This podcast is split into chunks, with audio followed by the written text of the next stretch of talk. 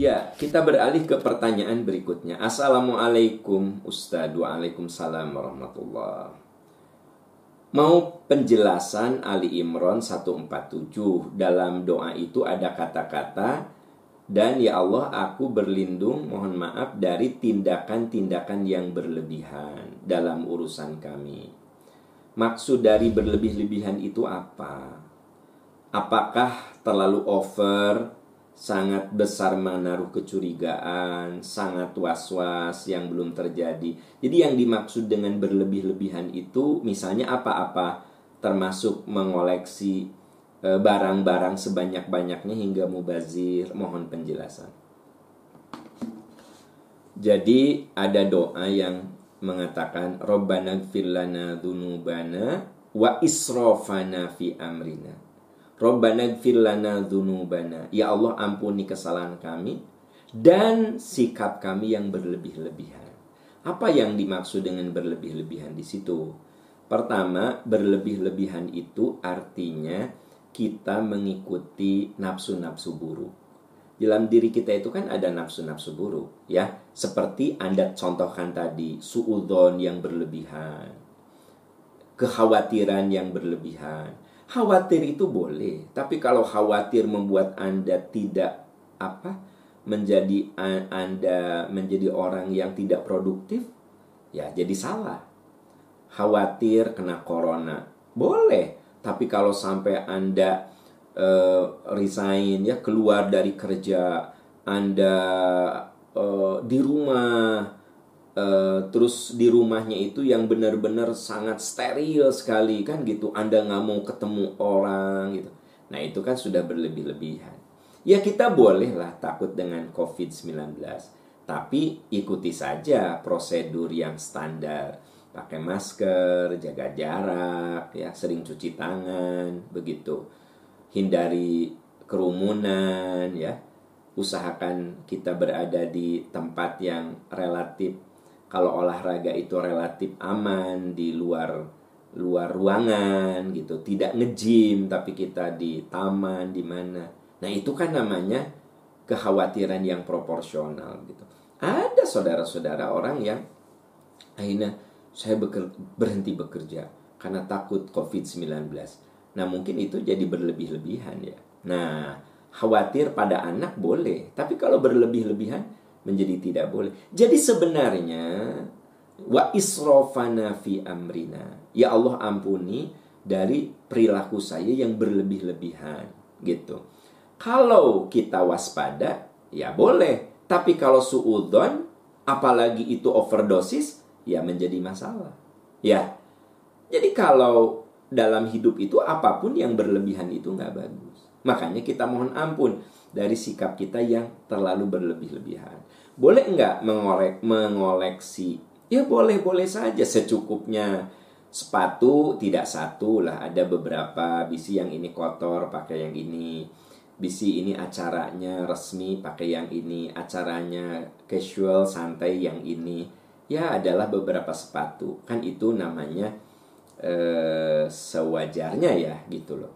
Tapi kalau sampai sepatu eh, ratusan ya gitu padahal sebenarnya apa sih profesi dia? Lain lagi kalau misalnya dia sering naik panggung, dia sering tampil di depan orang banyak, kemudian ada tuntutan untuk eh, apa? Untuk selalu berpenampilan fresh gitu kan?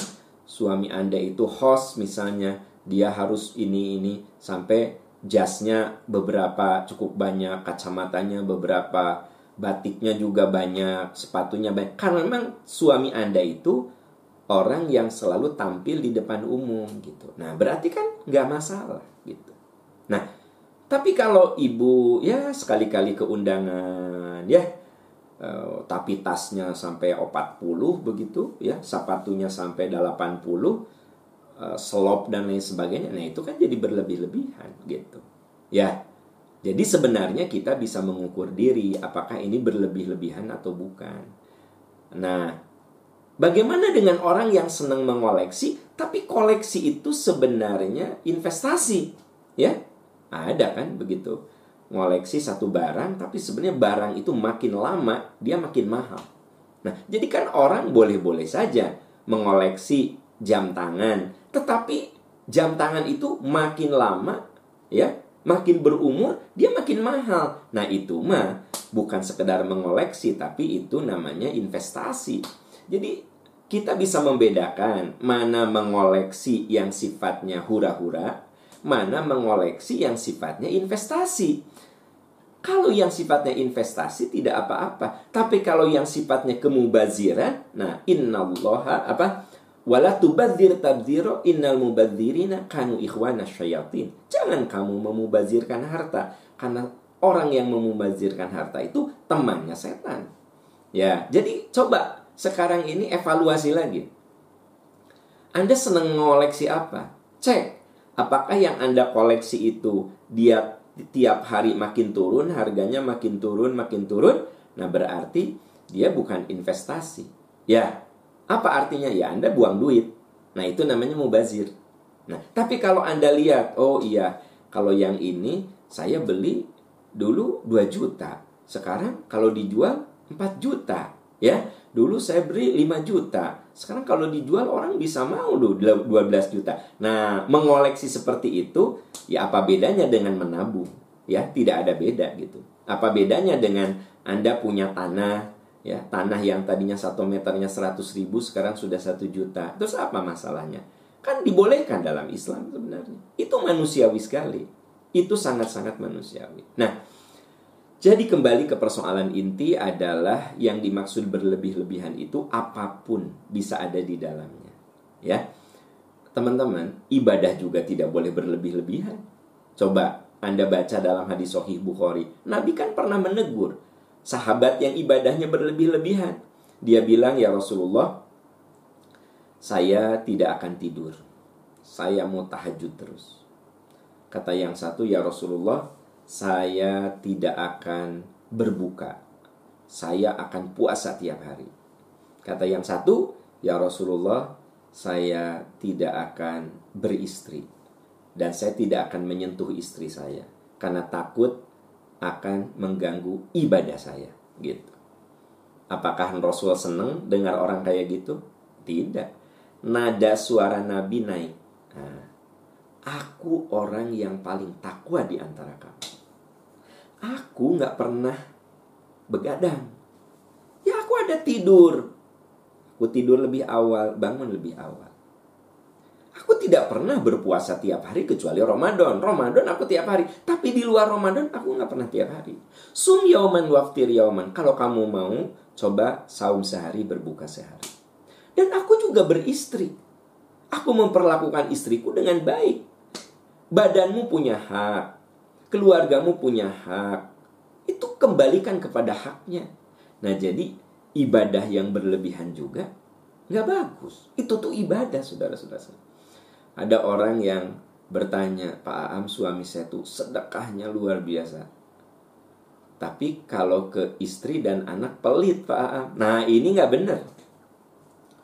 Sedekah ke orang, wih bro-broan kata orang Sunda. Bro-broan tuh ya apa pun nah, sedekah sedekah sedekah tapi ke istri dan anak pelit kata Nabi sebaik-baik suami adalah yang baik kepada keluarganya jadi kalau bapak ingin jadi orang dermawan mulai dari mana dermawan pada istri dan anak anda pada lingkaran keluarga anda anda dermawan sama istri, dermawan sama anak, dermawan sama adik-adik Anda, dermawan sama orang tua Anda, mertua Anda. Next, dermawan kepada orang lain. Itu yang benar. Ini ke orang dermawan sekali, ya kan? Ke istri pelit, ke orang tua pelit, ke adik-adik kakak pelit, gimana? Ini namanya tidak proporsional. Itu robbana filana dunubana wa kafi sayiatina wa tawafana malabro atau robbana filana dunubana wa isrofana fi amrina. Dan ya Allah ampuni dari sikap saya yang berlebih-lebihan. Yang berlebih-lebihan itu yang tidak proporsional tidak proporsional. Makanya eh, para ahli hikmah mengatakan al ilmu qoblal amal. Ilmu itu harus lebih dulu sebelum Anda beramal supaya amal kita selaras senafas dengan ajaran, dengan ilmu orang ya eh, apa cuma semangat beramal beramal tapi tidak dibarengi ilmu. Jadi aja israf berlebih-lebihan. Berlebih-lebihan. Nah, kita ini harus menjadi orang yang berusaha berilmu, mencari ilmu dan beramal gitu. Ini yang dijelaskan di surat Az-Zumar ayat 18. Alladzina yastami'unal qawla. Orang-orang yang mendengarkan pembicaraan. Apa arti mendengarkan pembicaraan? Dia senang mencari ilmu. Jadi orang yang haus ilmu itu senang jadi pendengar. Senang jadi pembaca. Senang menjadi penelaah. Ya, fayat tabiuna ahsana. Dia ikuti yang terbaik. Dia ikuti setelah apa? setelah yastami'unal qaul, setelah belajar, setelah mendengarkan, setelah menelaah, setelah meneliti. Fayat tabi'una ahsana. Dia ikuti kebaikan itu.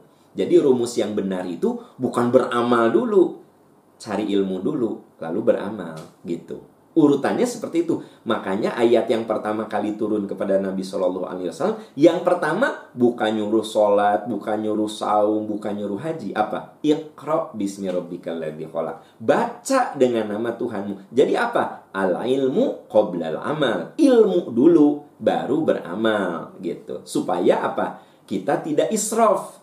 Kita tidak berlebih-lebihan dalam suatu hal, baik dalam ibadah, dalam kehidupan dunia, dalam kehidupan akhirat, kita tidak boleh israf berlebih-lebihan. Ukuran berlebih-lebihan atau tidak dari mana? Ya, kita belajarlah, belajar dengan proses ya.